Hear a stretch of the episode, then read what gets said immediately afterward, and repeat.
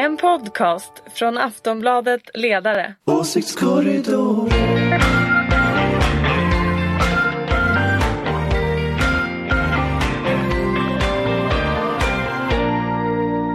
Hej och välkomna till den allt mer oregelbundet publicerade Åsiktskorridoren. Eh, Vi brukar spela in på fredagar men nu är det tisdag den 19 februari och runt bordet eh, hos mig sitter Ulrika Schenström som är Hej, moderat. hej hopp! Och från Aftonbladets ledarredaktion har vi Pernilla Eriksson. Hej, jag fick lite fredagskänslor bara av att vi gör podden. Ja, man kan, vi kan bli lite lurade. Mm. I wish säger jag denna gråa tisdag i februari. Och Daniel Svedin. Hej. Hej! Och jag heter Anna Andersson. Eh, vi ska prata om den lite mer vardagliga politiken som pågår i Sverige just nu. Vi ska prata om KD, vi ska prata om EU, vi ska prata lite grann om Moderaterna. Men jag måste bara börja, det mest spännande just nu det är ju de här märkliga mötet som Sveriges Kina-ambassadör har haft på Hotell Sheraton. Varje dag kommer fram mer konstiga detaljer. Idag var det DN som publicerade bilder av, inte från mötet, men av deltagarna vid mötet vid ett annat tillfälle iförda partyhattar. Mm, ja, detta, detta, detta, om detta vill vi veta mer. Det vill vi verkligen. Det kommer, nu- alltså vad, vad tror ni, vad kan det här bli för någonting? Vad är, vad är det frågan om? Eftersom det händer någonting hela tiden i den här frågan och alla undrar vad det är som egentligen är begravt någonstans. Så är det uppenbart så att det är någon som lägger vedträn på själva elden hela tiden. Och jag är inte så säker på att det bara är grävande duktiga journalister utan det finns nog andra Det finns krafter någon som här vill som helt här. enkelt bara Oops, ett till och upp, upp, upp, kanske är lagom. Oj, nu brinner den lite till. Så. Ja, det är ju Det pikanta är ju så saker. det brukar fungera.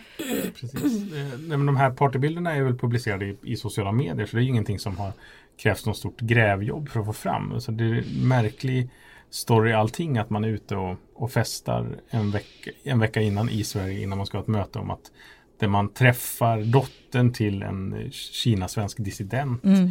Angela Guay som, Ja. som, var- som var den som liksom berättade Precis, om det här blogga- mötet. blogga om ja. det. Eh, Jag såg DN på ledarplats idag började skriva om så här, det man säger det man säger först från UD stämmer inte dag två utan så här, först är det, Mm. känner inte alls till mötet. Okej, det finns folk på UD som har känt till mötet.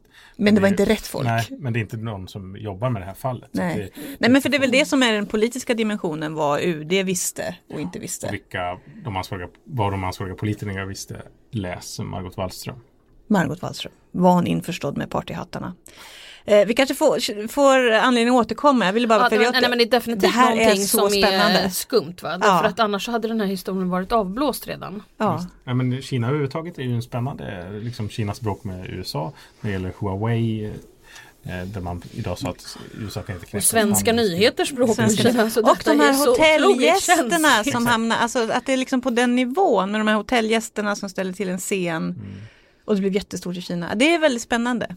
Det är väldigt spännande. Jag tror att vi kommer att få prata ännu mer om detta i nästa podd. Mm. Vi kanske vet mer, för som ni hör, man vet ju ingenting. Nej, vi återkommer. fler. Vi tar istället vid där vi skulle prata den här veckan. Vi var med Kristdemokraterna. Igår meddelade de att de har värvat en ny presschef och det är en man väl känd bland Svenska Dagbladets läsare, nämligen Per Gudmundsson som har varit ledarskribent där i många år.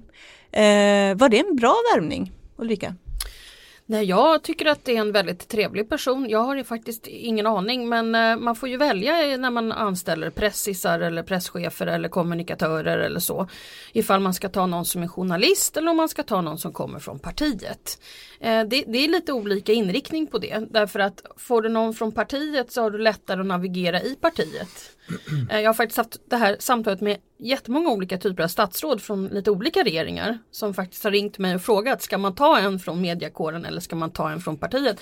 Och det beror ju på hur partipopulär du är. Och tar du då en journalist så blir du mindre populär bland fotfolket så att säga. Väljer du någon som verkligen kan politiken och du själv kanske är lite impopulär, ja då kanske du navigerar bättre i Skåneförbundet eller i, i eh, ja, distriktet i Norrland någonstans eller så. Alltså det är lättare, ja, det är lite, lite en smaksak Mm, det är så en, att säga. olika skolor kan man säga. Vad tror du Pernilla? Var det, här, var det ett listigt drag av Ebba Busch Thor? Ja, det är klart. Alltså, vi, ehm, och också, alltså, det jag tänker är gud jag har ingen färdigformulerad tanke annat än att eh, jag har hört att han är väldigt trevlig. Jag tycker att han är, erkänd, alltså, det är en erkänt skicklig skribent med stor insikt. Eh, bidrar säk säkert med liksom, värdefulla erfarenheter som man inte skulle finna liksom, inom partiet. Ehm, men eh, ja, ja, ja, att han tycker att utvecklingen inom KD är så spännande. Jag tycker att den är jätteläskig. Så att det är, ja, Alltså, mm, han säger spännande, du säger läskig. Ja. Det, det, är lite det som är det intressanta här.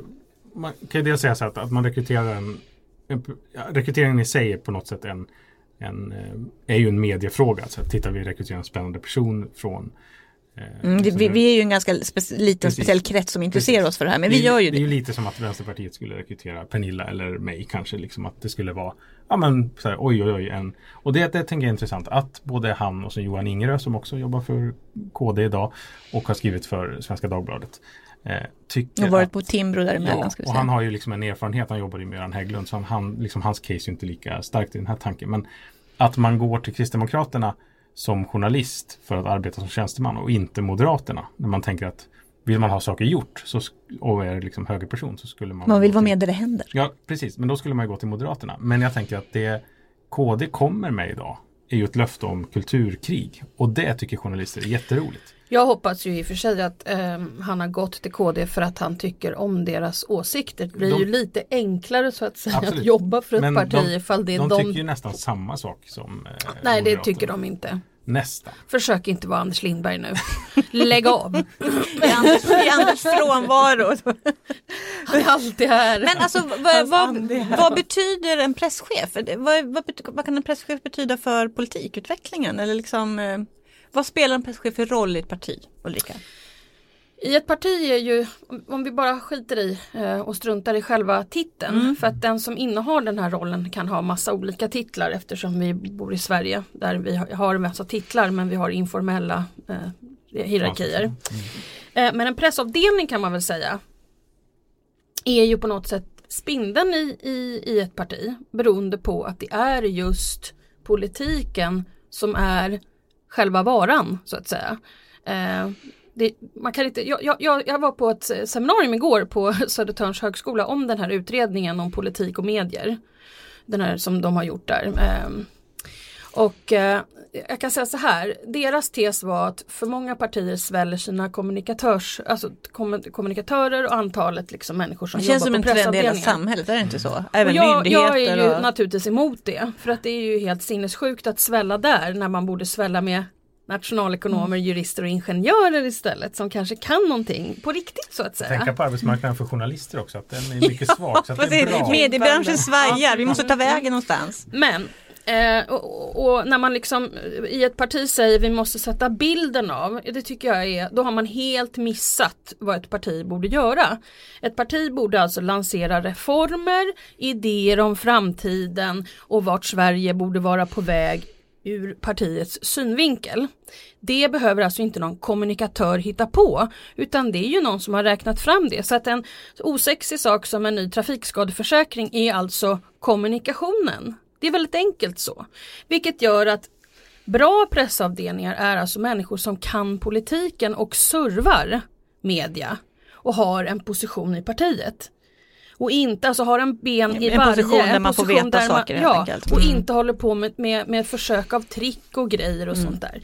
Sen tror ju jag att det också finns en viss rädsla bland patienterna som vi kallar dem, alltså statsråden, parti, jag när du parti, kallar dem patienter. Ja men det är ju patienter. De här människorna är ju alltså utsatta varje dag och en del av dem har ju sätt som kanske är mer aggressiva, en del är mindre aggressiva, en del är ängsliga. Va? Och då kanske man tror att ju fler sköldar man skaffar sig i form av pressisar eller så vidare. Va? Så ska det lösa situationen. Det kommer alltså inte lösa situationen utan det är bättre med... Man blir fortfarande den man är där man bakom. Man är fortfarande bara den man är där bakom och vara sig själv brukar oftast vara enklast. Men sen händer ju sådana här saker som Kina-grejer nu och sådär. Och då måste man ju sätta sig ner och krisa lite på UD och sitta, vad har hänt här mm, Jag kan egentligen? notera att hittills så har ju bara en tjänsteman från pressavdelningen fått klivit fram. Precis. Det är ingen politisk person som har Nej, därför de sitter väl antagligen och lägger pussel just nu och funderar på hur illa är det här egentligen? In? Och när de ringer, hur mycket vet de och vad kan det vara som ligger bakom? Så då kan man förstå att man vill ha en sköld, men sköldar ska inte anställas för att um, någon annan anledning än att försöka hantera och hjälpa till.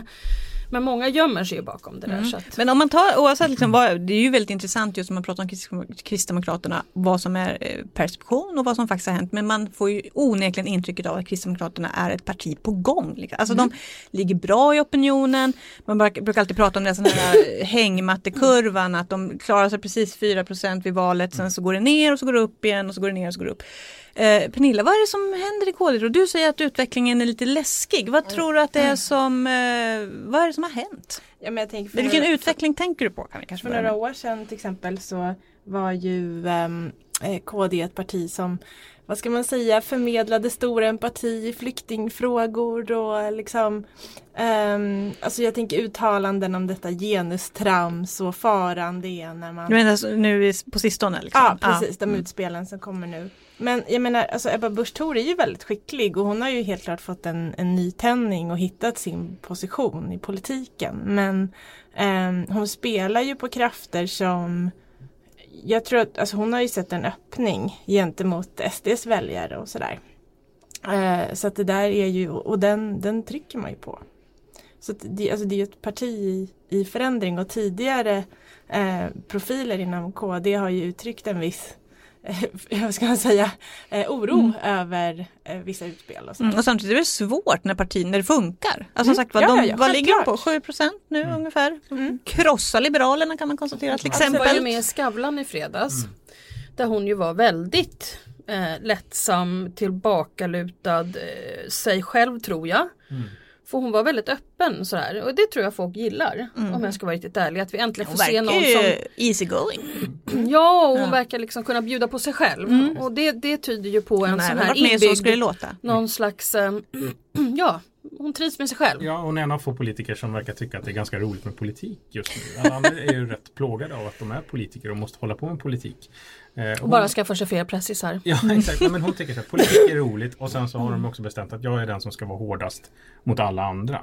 Eh, Hon är ju väldigt liksom skarp mot Annie Lööf och Stefan Löfven gjorde hon ju slarvsylt av i, i debatterna inför valet. Och det finns liksom 10% av väljarna som tycker att det är det där eh, som behövs, eh, tänker jag. Och sen, sen eh, är det ju också, liksom, hon tar ju konsekvenserna någonstans av det eh, kulturkampsidén idén som eh, Göran Hägglund anslog med verklighetens folk nu när hon är ute och pratar om myndighetsvänster och sådär.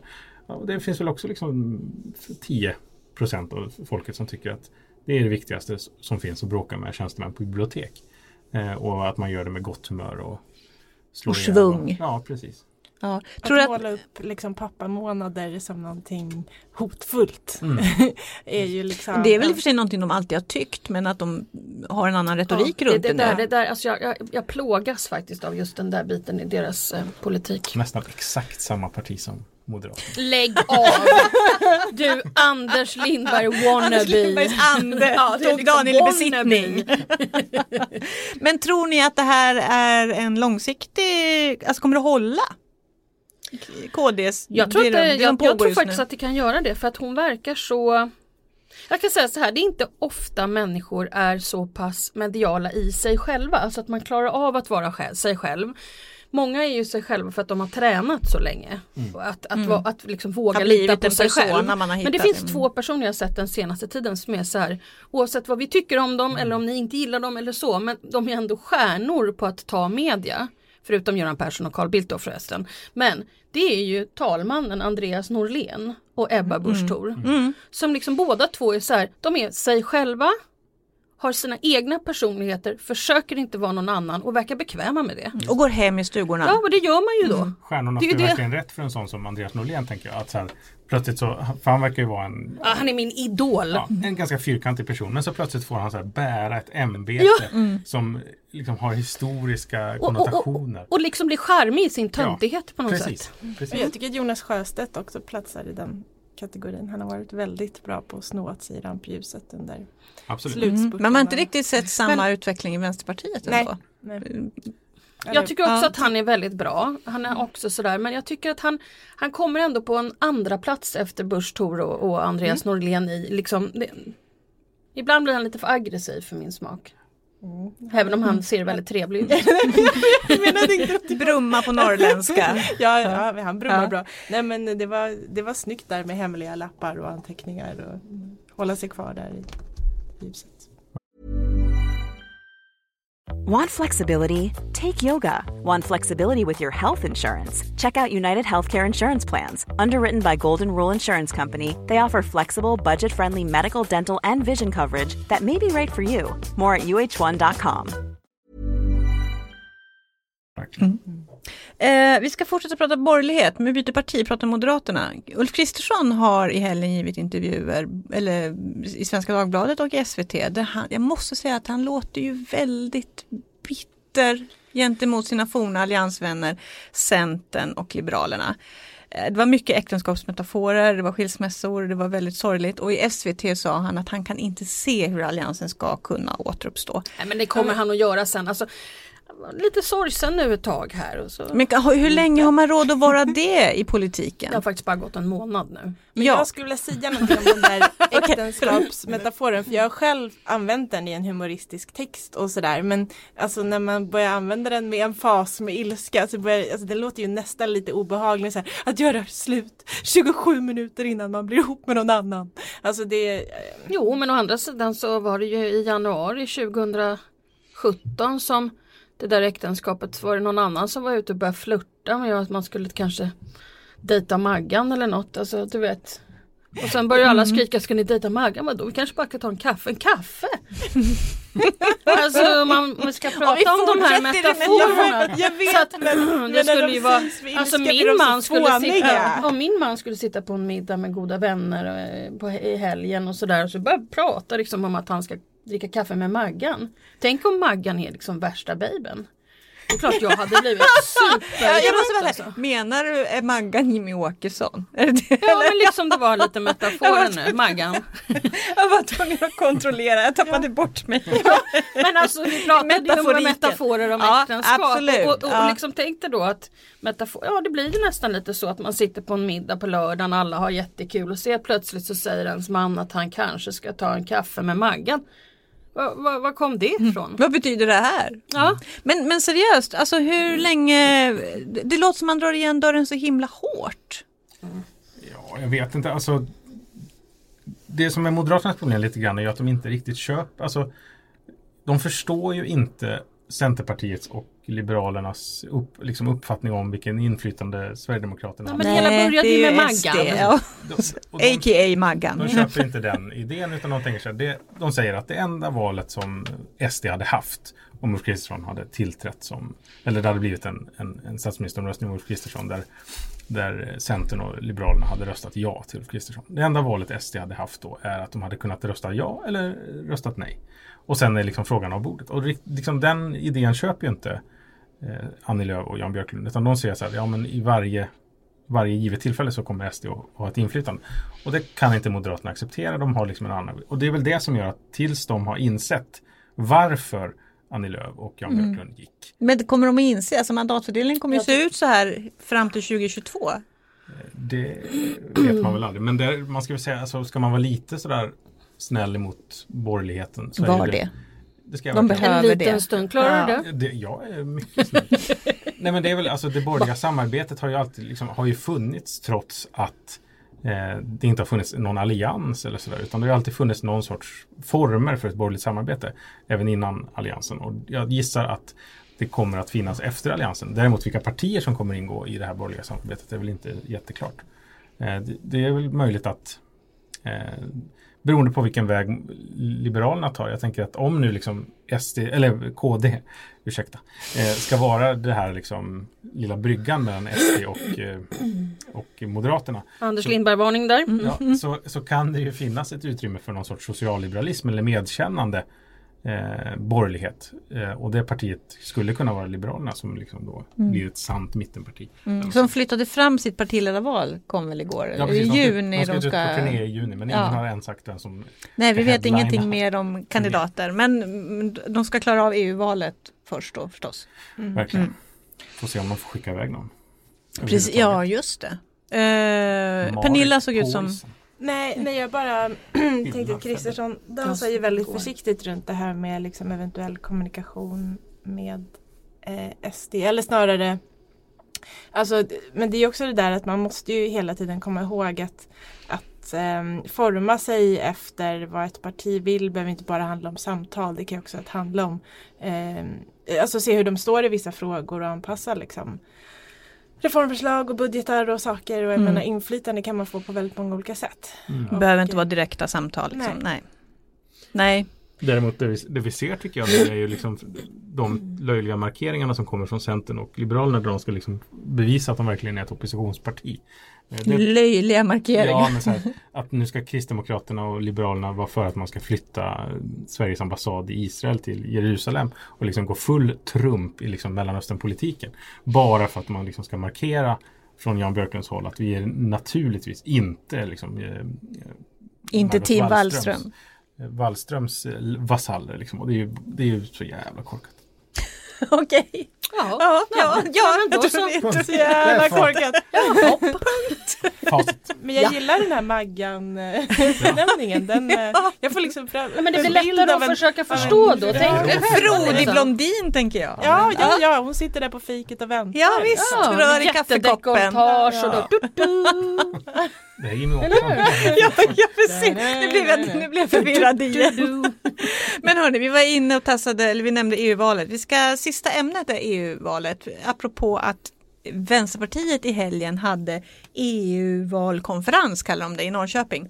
Och då kom fram till att de i den här eh, kampanjen då inför valet den 26 maj inte tänker driva frågan om utträde ur EU. Eh, blev ni förvånade över det beslutet? Nej, Lite. Ja, lite kan man väl säga men inte särskilt. Jag tror inte de vill bli ihopkom- liksom, kopplade med SD. Tänk på hur de här debatterna kommer att se ut. Det kommer ju bli rätt intressant i tv. Oavsett om det är Aftonbladet tv-diskussion eller om det är Du menar hur de, hur de kommer, att placeras. stå? Va? Då kommer det att stå S, MP, L och C och sen kommer det stå M, KD, SD, V. Eller så kanske de börjar med V, M, KD, SD. Man vet I don't inte. know, Nej, men, men delikat. hopkopplingen men det kommer ändå vara Mm. ja, Signalen är ju den oppositionen. Alltså signalen i den här riktningen har väl varit tydlig ett tag. Att det är liksom... Han vill inte bli ihopkopplad tror jag med SD. Jag tror att det är så pass enkelt. Mm. Alltså hopkoppla, vad tänker du då i, i EU? i EU-negativism. Ja, fast samtidigt så har ju SD också börjat skruva på sig. De har ju också nu sagt att de inte tänker, nu ska vi se, de tänker inte driva på för utträde utan istället ska de reformera inifrån.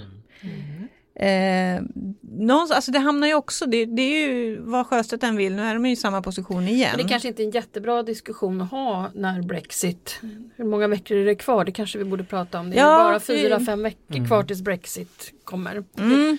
Fantastiskt avskräckande exempel som bara rullar på. Ja. Så det, ja. Så Ja, att det är kanske så. verkligen en sån crash and burn. Ja. Alltså. Ja. Och här sitter vi. Ja. Och det är fyra, fem veckor kvar och så bara Ja. Borde ha panik. Ja, de, ja, det vore klädsamt med panik tycker jag.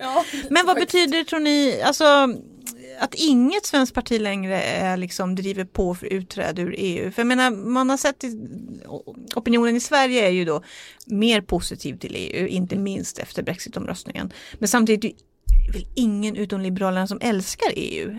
Har inte många svenskar EU som något nödvändigt ont? Är det inte den, lite den relationen många av oss har? Och, och liksom att det inte finns något väldigt kritiskt EU, liksom parti i EU-frågan. Vad betyder det för hela liksom, valkampanjen och kommer väljarna kännas representerade? Vad tror ni?